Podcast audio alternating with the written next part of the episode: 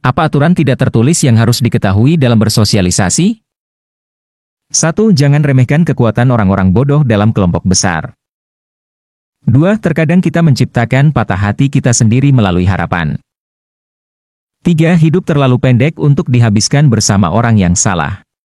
Temui orang-orang baru. 4. Hanya karena kamu mencintai mereka, bukan berarti mereka tepat buat kamu. 5. Perasaan yang datang kembali adalah perasaan yang tidak pernah pergi. 6. Semuanya tidak semudah menjadi gemuk. 7. Bahkan hari yang buruk hanya 24 jam. 8. Bukan tugas kamu untuk memperbaiki orang lain. 9. Ketika strep berwanita kelihatan, jangan menatapnya.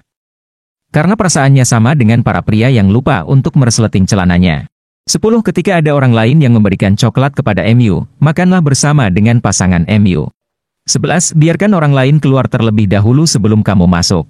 Terima kasih. Semoga bermanfaat.